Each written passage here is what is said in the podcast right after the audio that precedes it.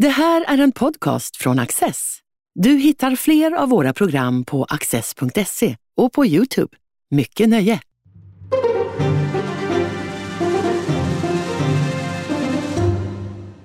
Välkomna till Studio Access. Och eh, varmt välkommen Adam Sveiman, politisk redaktör i Göteborgs-Posten som är min gäst idag.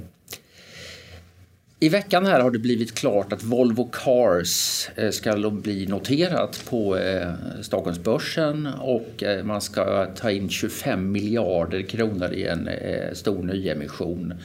Och de där pengarna anser man sig behöva för digitalisering, elektrifiering, en förändring egentligen av hela upplägget. Vad, vad betyder den här nyheten för Göteborg? Alltså, den är väl en del av en redan rätt lång förändring för, för Volvo. Alltså, Volvo hade ju ett par rätt jobbiga år där under Ford och alltså, tidiga ledarskap som kanske inte var så himla lyckat. Eh, att, man, att man blev köpt av, av Geely i stor utsträckning eh, gjorde ju ändå, alltså det, det, gav en ny, liksom, en ny energi i hela bolaget och så. Man har ju märkt bara att, tänker man titta på liksom det synliga i Göteborg, att det, liksom, det byggs mer grejer runt hela, alltså Volvo expanderar.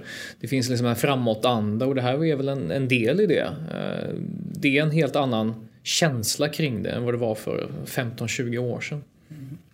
Dagens Industris eh, eh politiska redaktör PM Nilsson, kollega till dig, mm. han har nu skrivit några artiklar om eh, Volvo Cars. Eh, och han, eh, I den första utav dem, så jag citerar lite grann, så skriver han att Geelys investeringar har gjort Göteborg till en europeisk utvecklingshubb för kinesisk fordonsindustri. Vitaliteten skjuter upp nya byggnader högt mot stadens sky. Älven kantas av lyftkranar. Nya vattennära stadsdelar breder ut sig längs kajerna. Det trodde nog ingen när Geely tog över 2010. Känner du igen dig i det här? Jo men absolut. Alltså det, det, det finns en framåtanda i Göteborg som är mycket knuten kring, eh, kring Volvo, liksom, hela den industrin runt Volvo.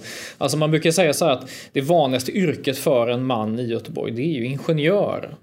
Alltså det, det, det, säger något liksom att, att Volvo är en gigantisk arbetsgivare och det finns ju så många industrier kring det också. Så det, det är också lite tudelat. Att det är klart man är glad att det händer någonting kring den största privata arbetsgivaren i Göteborg. Samtidigt så är det ju en det är en utveckling till viss del buren av pengar från Kina och vad det innebär på sikt. Mm. Det är lite svårt att veta. Men det är verkligen så att det här, för det, att Volvos då investeringar och expansion, det har satt sin prägel inte bara precis på själva Volvo och dess nära omgivning utan på hela stan. Alltså det är klart, man ska inte dra för stora växlar på det. Alltså, den byggboom som sker just nu i Göteborg ju liksom, den är ju lite försenad på många sätt. För att Göteborg är en gammal hamnstad mm. där man har haft stora centrala stadsdelar som har varit knutna kring liksom handel, näringsliv, varv och liknande. Eh, under väldigt lång tid så låg de ju övergivna. Eh, medan städer som, som Oslo exempelvis, de har ju upparbetat de stadsdelarna för länge sedan. Så det är lite senkommet egentligen. Och det, man ska inte läsa in bara Volvo i det, utan det är väldigt mycket som så att säga, improduktiva områden som helt plötsligt förädlas så att säga. Mm.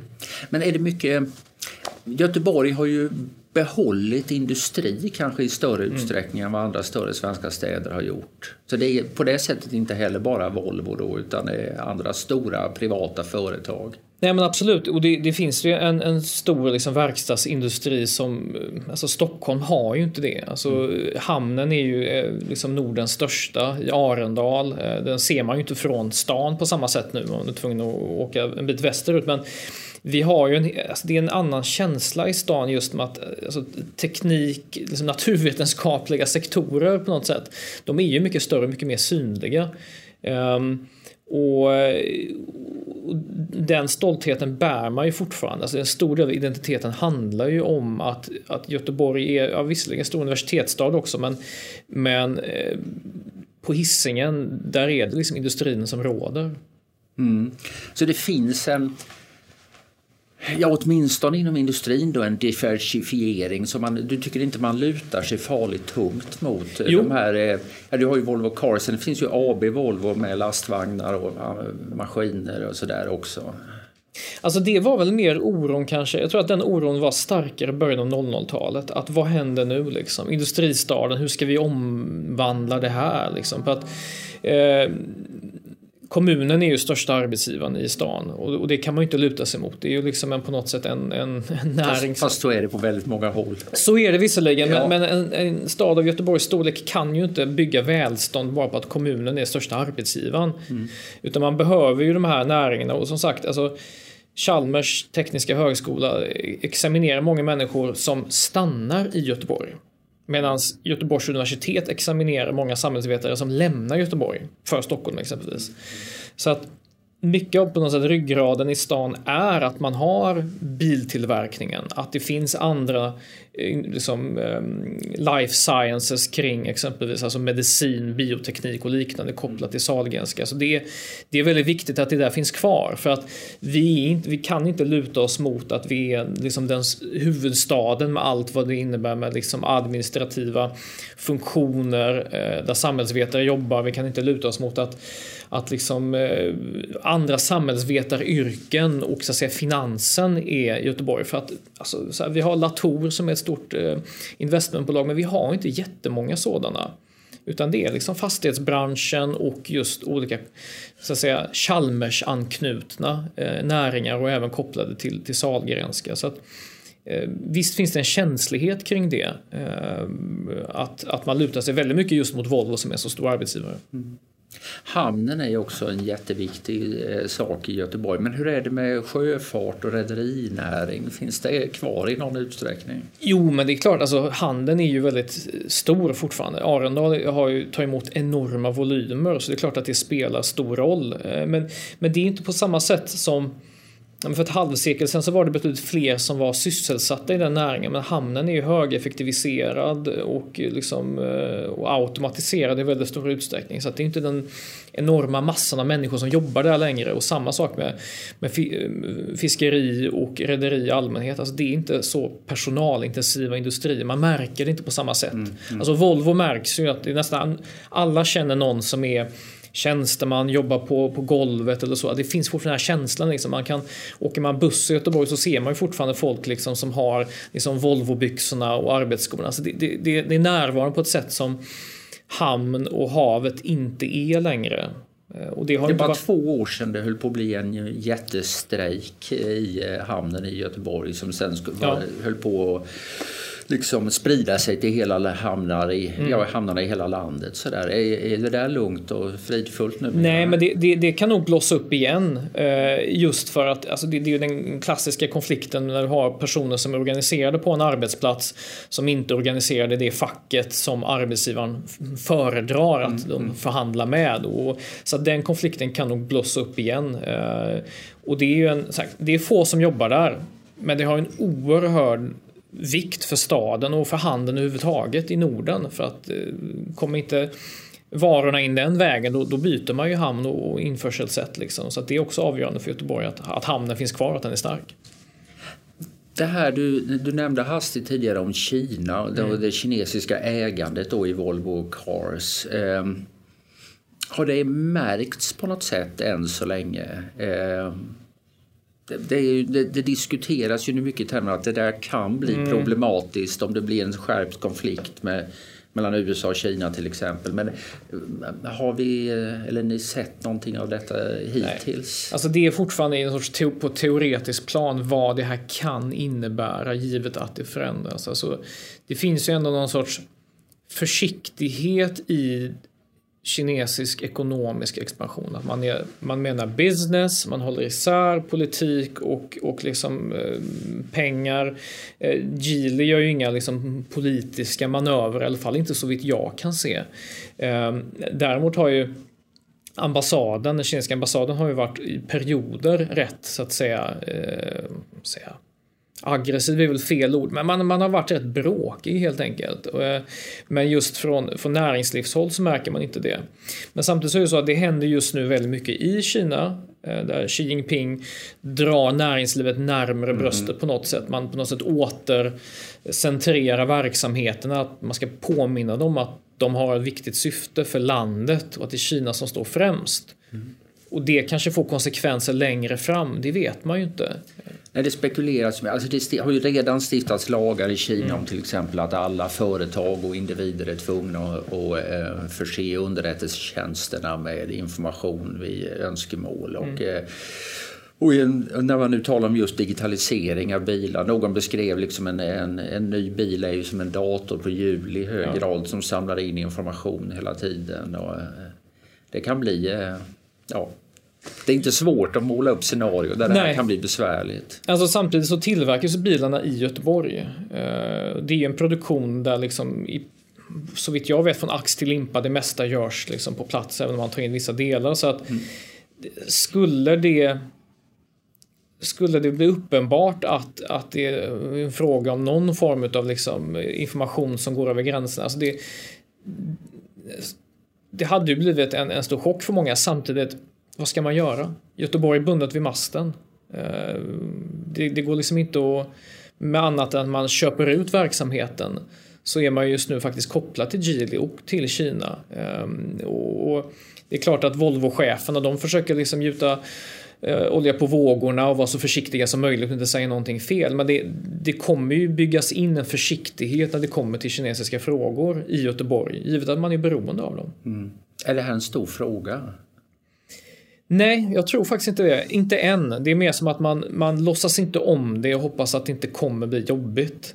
Uh, för att samtidigt, vad, ska eh, kommunpolitiker som annars talar sig varma för demokrati och transparens och liksom, uh, bekämpande av korruption, mm. vad ska de göra när Å ena sidan måste de ju säga dessa fina saker som en del av vår värdegrund. Å andra sidan så är den som största arbetsgivaren i staden eh, privat mm. kopplad till en, en diktatur. Alltså det, det, är svårt att få ihop. Och jag tror inte man hade föreställt sig hur, hur, skulle, hur skulle man hantera en sån här situation. Det finns ingen plan för det. Framtiden får utvisa hur detta ska sluta. Ehm, jag tänkte, ja, för att avsluta lite grann det här om näringslivet i Göteborg. Att jag, jag tittade, det finns något som heter Business Region Göteborg mm. som är någon eh, kampanjorgan väl för, för staden ja. och en sorts näringslivskontor. Mm. Och de formulerade 20 anledningar att vara stolt över Göteborg 2020. Mm. Det kunde väl behövas lite pepp där i november ja. i, i, i fjol så att säga. Och det är klart att de är, det är en marknadsföringsorganisation men de listar ändå en hel del imponerande eh, egenskaper hos eh, staden. Bland annat att man nu är Sveriges största kunskapsregion i den bemärkelsen att det sker mest av den privata forskning och utvecklingssatsningarna mm. sker i Göteborg. 33 procent då, vilket är, befolkningsandelen är kanske hälften så stor då, mm. 16-17 procent. Så för att avsluta detta lilla mm. kapitel, är det en framgångssaga, den, den, ekonomin i Göteborg? Alltså på många sätt är det det och jag tror att, att närheten mellan universitet och näringsliv har varit rätt viktig där faktiskt. Att man har så pass många som är högutbildade och utbildas på plats och också kan liksom mm. komma ut snabbt i arbete. I liksom, det, det, är en, absolut en framgångssaga och någonting att, någonting att vara stolt över. Mm. Som sagt, jag sa det tidigare, men att ingenjör är det vanligaste yrket bland, eh, bland män eh, i Göteborg. Och det, det, det säger ju en hel del. Ehm, och just Chalmers och Sahlgrenska är ju rätt avgörande skulle jag säga också. Skulle man gå på rapporteringen i, i riksmedier och Stockholmsmedier och sånt här då skulle man lätt få intrycket att gangster var det vanligaste yrket i, i Göteborg mm. annars. Det, det finns en, eh, ja, i flera böcker, Johanna Lernebys familjen i Lasse Wierups, här gangsterparadiset, ja. så har man skildrat stora problem med eh, brottslighet, klanvälden, gängvåld och sånt här. Det, det är succé och kris på samma gång kan man säga. Jo, så. men det, det, det, där är väl inte berättelsen om Göteborg, det där är berättelsen om hela Sverige i vår tid tror jag. Mm. Eh, att vi, vi har, vi, det, det samexisterar två stycken Sverige hela tiden.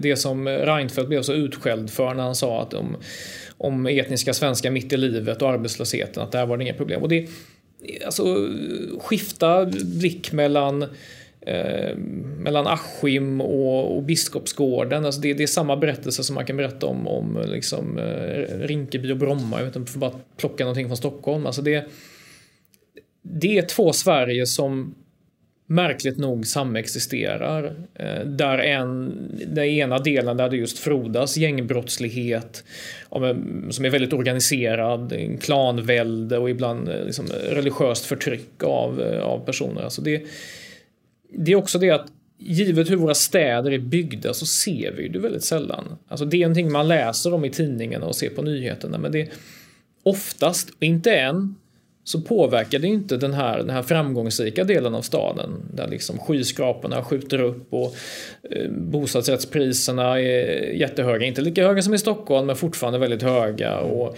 ett uteliv som eh, liksom New York Times beskriver som fantastiskt och så. Eh, samtidigt som man har den här hög arbetslöshet, låga skolresultat och, och öppna skjutningar. Men, men det, det, gör ju inte Göteborg inte, så att säga, vi sticker inte ut med det. Du har skrivit tidigare i andra sammanhang om hur liksom en, ja, stadsplaneringen bär del av skulden för detta. Så hur eh, man byggde på 60 och 70-talen, att det har mm. främjat mm. utanförskap och isolering och sånt här. Är det något man försöker beakta idag? Inte göra om det misstaget och kanske till och med eh, försöka bygga bort det? Mm. Alltså, man, jag tror man förstår bättre vad det var som gick fel. För väldigt länge så fanns det någon sorts litet att man förnekade att det här kunde spela så stor roll egentligen. Det vill säga att man hade satellitstäder dit man, liksom, arbetarklassen skulle bo i Angered, de skulle åka bro över till Volvo och allting skulle vara ett perfekt uttänkt rationellt samhälle. Och man inser nog nu att det var inte så bra med de här isolerade satellitstäderna. Men att gå från insikt till handling att förändra staden, det är svårt. Det, det, det, finns inte som i Danmark en tanke att man kanske behöver riva lite. Eh, att vissa stadsdelar kanske är dysfunktionella från början för de är inte byggda på ett sätt som främjar kollektivtrafiksåkande till resten av staden. Det blir fysiskt isolerat, otryggt och så vidare. Så långt har man inte kommit än i Göteborg. Däremot vad som händer nu är att man förtätar den så kallade innersta, mellanstaden. Det vill säga man hittar hål i stadsbilden och försöker fylla ut dem för att göra en mer tätbebyggd eh, stad. Och det är ju någonting Göteborg har behövt. För Göteborg är ju en av Europas mest glesbebyggda städer. Mm. Och det, det, får ju konsekvenser för Finns det något särskilt skäl att det har blivit så? Ja, att man ett väldigt märkligt skäl är att vi hade stora landerier och gårdar som låg rätt nära kärnan i staden. Så när man byggde kärnan och sen skulle flytta staden, alltså fortsätta bygga utåt, så hoppade man över de här landerierna. Eh, och det gjorde att man fick stora håligheter i staden. Landerier är ett nytt ord för mig. Vad är... Ja, alltså gård, ja, gods herrgårdar okay. helt enkelt. Mm. Och eh, då hoppar man över dem. Så Göteborg är betraktat lite grann som en, eh, som en bläckfisk liksom, med armar som sticker ut i olika delar och det gör att man får en, man får en gleshet. Att ytan på staden är väldigt stor. Eh, men det kan vara väldigt långt mellan stadsdelarna och då får man den här typen av isolation. Mm. Som, alltså det finns ju också i Stockholm men kanske inte lika stor utsträckning. Och Malmö är mycket mer, det är som en pannkaka. Där är allting samlat. Ja, det är klart att det är, Göteborg, ja, det, en likhet mellan Malmö och Göteborg skulle väl vara det här med att villabebyggelsen eh, har den har kommit i kranskommuner mm. snarare än i staden själv. Ja. Man bestämmer sig i något läge för nu ska vi inte ha småhus utan vi ska ha hyreshus. Mm. Och då, det, vilket leder till ett väldigt uppsving för orterna som liksom ligger i en, på lagom avstånd Precis. och utanför eh, kommunen. Och det har vi också sett i Göteborg. Alltså, platser som var, var små eh, stationssamhällen eller semesterorter för, för göteborgare har ju vuxit upp till veritabla liksom, samhällen. Alltså Kungsbacka växer enormt mycket. Eh, och, och i, i åldersgruppen 30 till 45 så är det ju alltid ett flyttnetto mm, minus, det vill säga att man flyttar ut från Göteborg och det gör ju sitt också. Jag tror att otryggheten här spelar också en viss roll, utöver att det är dyrt. Eh, Eh, en aspekt av det här med brottsligheten i Göteborg eh, har varit, och som har diskuterats nu på sistone, har varit hur den eventuellt sipprar in i, i förvaltningen. Mm. eller påverkar åtminstone eh, förvaltningen. Det kommer en uppmärksammad eh, studie här i augusti om tystnadskultur ja. i, i, i Göteborgs stad. Kan du berätta mm. lite om det? Alltså den här studien bygger på olika intervjuer med personer inom förvaltningen. Eh, och visst, det finns vissa exempel på personer inom förvaltningen som, eh, som har så att säga inte följt stadens värdegrund. Liksom. Alltså, har man jobbat med hedersvåld så har det varit personer som kanske ifrågasatt att ett sånt begrepp överhuvudtaget finns. Eh, det större problemet är nog att personer är rädda. Eh, personer är rädda, för de, de jobbar i miljöer där, där de möter personer med, med stort våldskapital som, som hotar, markerar, vi ser er, vi vet var ni bor, vi vet vad ni jobbar med. Eh, och, alltså är man en anställd i Göteborgs stad och, och, ska, och möter det här, det, det är klart att man kanske man anpassar sig, speciellt om man inte får hjälp uppifrån i mm. hierarkin, det vill säga att chefer inte backar upp en. Det har funnits en en kultur tydligen då av att man, man tystar ner problemen lite grann. Det är lite för jobbigt att handskas med. Uh, och ingen idé att vara hjälte liksom. Bättre att bara kanske anpassa sig istället för att ta tag i det. Man får nästan intrycket att det, att det är en tystnadskultur i två led. Så att säga. Dels eh, medarbetare på golvet i de kommunala verksamheterna som inte gärna berättar för sina chefer om hur det verkligen ligger till. Mm. Och sen också att när cheferna väl får reda på hur det ligger till så är de obenägna att gå vidare med den informationen till de politiskt eh, ja. ansvariga. Man vill att förvaltningen ska se bra ut liksom, i makthavarnas ögon. Ja, det, alltså man, det här har ju återkommit på, på nationell nivå, det vill säga man vill bevara bilden av mm. Sverige liksom, mm. och bilden av Göteborg. Alltså det har varit mycket management-lingo som har smugit sig in i liksom, marknadsföring av kommunen. Varumärkestänk, ja. Du nämnde Business Region Göteborg. Ja. Alltså du, du har den typen av organisationer som, som bygger mycket på ja, men ett PR-tänk helt mm, enkelt. Mm, och vi har ju oerhört många kommunala bolag i Göteborg. Många kommunika- vi har mest kommunikatörer i Sverige, tror jag. Eh, kommunala kommunikatörer. Och det är klart att då, då är man upptagen med bilden av det hela. Och jag tror att personalen så att säga längst närmast problemen, de tror jag varnar i de mån de kan. Mm. Men om de upplever att de inte får någon uppbackning eller att chefer längre upp säger att ah, det där struntar vi eller det där ska vi inte titta på liksom närmare det är klart att då, då blir det en tystnadskultur. Men den kan ju kopplas till att man i Sverige har väldigt svårt att förlika sig med att vårt land har förändrats. Mm. Alltså det är svårt att greppa faktumet att vi har, vi har klaner. Alltså folk som har släktband, lojalitet som är väldigt, väldigt eh, stark och som kanske ägnar sig åt kriminell verksamhet. Vi har inte haft det i Sverige på, på liksom många hundra år. Mm. Det finns en, man är oförberedd på det. Och i, i, valet mellan att så att säga larma och göra en stor sak av det eller att uh, vi, kan, vi struntar i det nu. Så väljer man nog kanske den lätta utvägen. Hur har kommunledningen reagerat på den här rapporten? Alltså det är klart man har pliktskyldigt reagerat på det sätt man måste göra. Det vill säga säga att det här är fruktansvärt, det är hemskt, vi måste göra någonting åt det. Men, men det är inte som att man man handlar ju inte på, på ett sätt som... Finns samma PR-tänk där? Ja, absolut finns det det. Att man, mm. man, man, eh, så att säga, man måste visa att ja, vi tar det all, på allvar, men vad ska man göra åt det? det, det vi, vi har ingen stark politiker i Göteborg som pekar med hela handen och säger att eh, det här är så allvarligt, vi måste göra på det här viset. Här har du tio åtgärder som måste göras nu på studs. Liksom. Vi har ett, ett väldigt svagt styre i Göteborg. Jag tänkte vi skulle avsluta med några ord om detta ändå. Det är en mm. väldigt speciell situation. Ja. Det är eh, Alliansen som är avliden eller i koma mm. på de flesta håll i, i, i riket. Den styr då Göteborg. Mm. De fyra borgerliga partierna.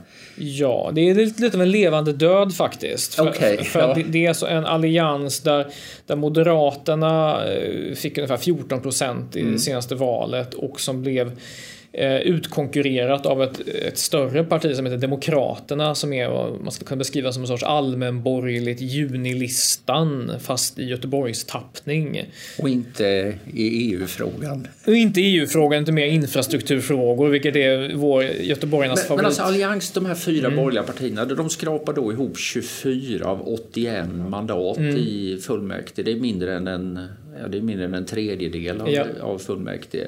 Och ändå har de lyckats eh, få styra genom någon sorts samverkan med VMP och ja, Feministiskt ja, initiativ. Fyra mandat i kommunfullmäktige. Ja, hur, hur, har det här gått till? De har tolererat alliansstyret. Eh, samtidigt så har ju alliansstyret varit i minoritet i alla nämnder eh, och har fått se sig själv överkört av Socialdemokraterna som är rätt starka i Göteborg och då Demokraterna som tillsammans ofta har kört över alliansen. Det har varit ett oerhört stympat styre svagt eh, och ja, det har varit svårt att få styrsel på det hela. Samtidigt har Socialdemokraterna, som ju var det gamla maktpartiet i Göteborg, Absolut, ja. eh, har ju kanske på grund av den förändrade situationen och att de för första gången på sen tidigt 90-tal får vara i opposition har skärpt sig rätt mycket och har insett att den här svaga alliansen är rätt lätt att manövrera ut.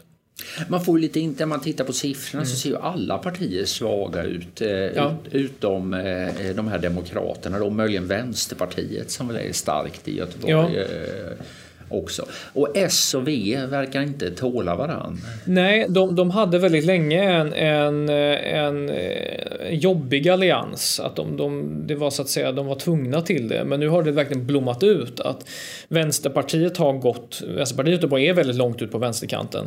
Socialdemokraterna i Göteborg är väl någonstans Socialdemokraterna nationellt om kanske fyra år. De går lite före. Profilfrågor för S i Göteborg har varit exempelvis att vi inte ska ta emot fler migranter. Eh, klassisk arkitektur. Eh, och att ta tag i, i kriminaliteten och trygghetsfrågor. Jaha, lite dansk socialdemokrati. Precis, så att, därför menar jag att de är någonstans lite föregångare. Att de, de ser vart, vart säga, det blåser medan Alliansen i Göteborg och Moderaterna det är verkligen ja, men det är som att titta tillbaka i backspegeln till 2013. Men det här Demokraterna då, mm. de bildas utav en, eh, folk från lite olika partier men det är väl en före detta moderat som, eh, som är den starke mannen i det, här, i det här partiet.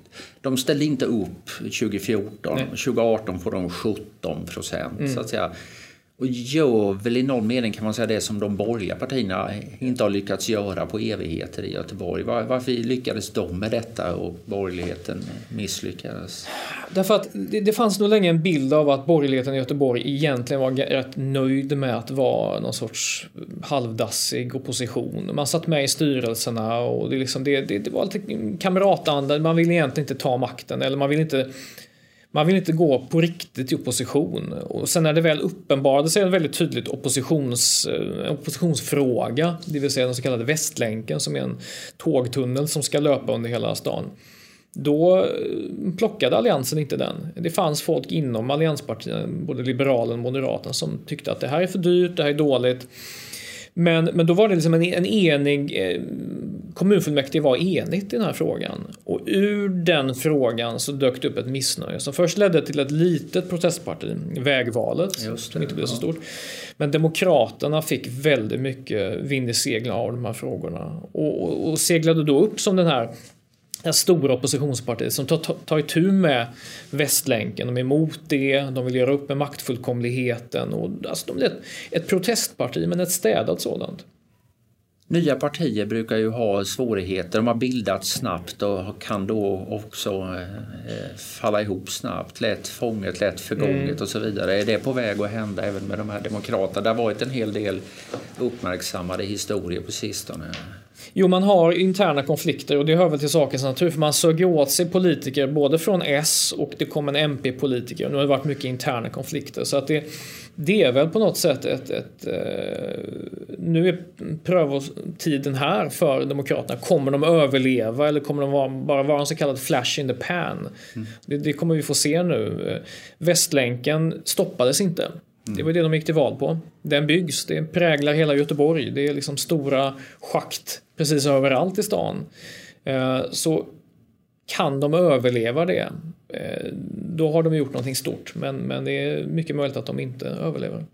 Din tidning hade alldeles nyligen en stor opinionsundersökning mm. om eh, liksom inför kommunalvalet nästa år och där Ja, de backade men de hade inte eh, liksom upplösts mm. utan var fortfarande ganska stora i förhållande mm. till andra. Så det, det kanske finns ett sug fortfarande efter ett alternativ till de etablerade partierna. Det gör det absolut. Eh, och inte minst för att alliansen är så svag i Göteborg. Att man nog fortfarande uppfattar dem som att de inte har så att säga, tagit itu med ja, exempelvis mängden kommunala bolag, vi har över 100 stycken i Göteborg. Eh, det, därför tror jag det finns ett sug efter just att, att ifrågasätta den här gamla Göteborgsordningen med hur kommunen verkar och arbetar.